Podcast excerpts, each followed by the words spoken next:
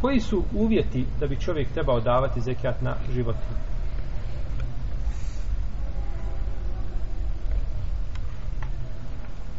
Prvo je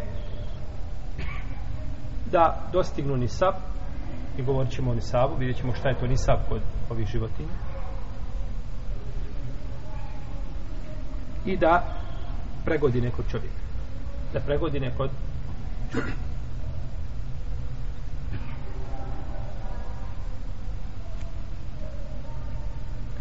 Došlo je u hadisu koga bilježi imam Ibn Mađe, kada je šejh Albani da je sahih, neki su ga smatrali slabim hadis.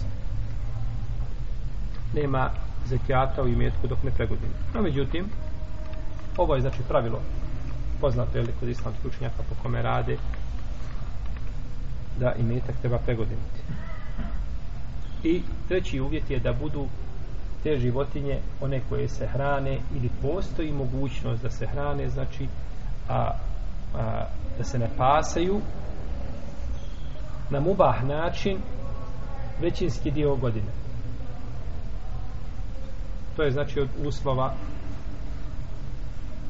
da se na njih daje zekijat kada bismo znači uzeli negdje predjele gdje je stalno snijeg ili većinski dio godine snijeg ili su velike hladnoće, mrazevi, ne mogu životinje znači napasati same, u tom slučaju bi šta?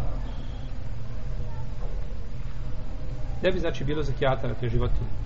Jer braće i metak da bi davao čovjek na njega zekijat mora biti Zato se imetku daje mogućnost da se razmnožava, koji se može razmnožavati. Imetak koji se može razmnožavati, njemu se daje mogućnost razmnožavanja. Koji ne može, ovaj, on svakako ostaje, jeli, ovaj, ostaje i daje se zekijat od njega kao na primjer na, na žitarici da budemo govorili, vidjet ćemo žitarice kada ubereš toga dana daješ odmah šta? zekijat pa to hakahu jeome hasadehi toga dana kada vadiš iz zemlje daš žitarica, žitarica ona se ne može više umnožiti, gotovo je dok ako imaš 10.000 maraka to se može umnožiti, je tako? pa ti šarija da godinu dana vremena umnožiš taj imetak pa onda daj na njega, daj na njega zekijat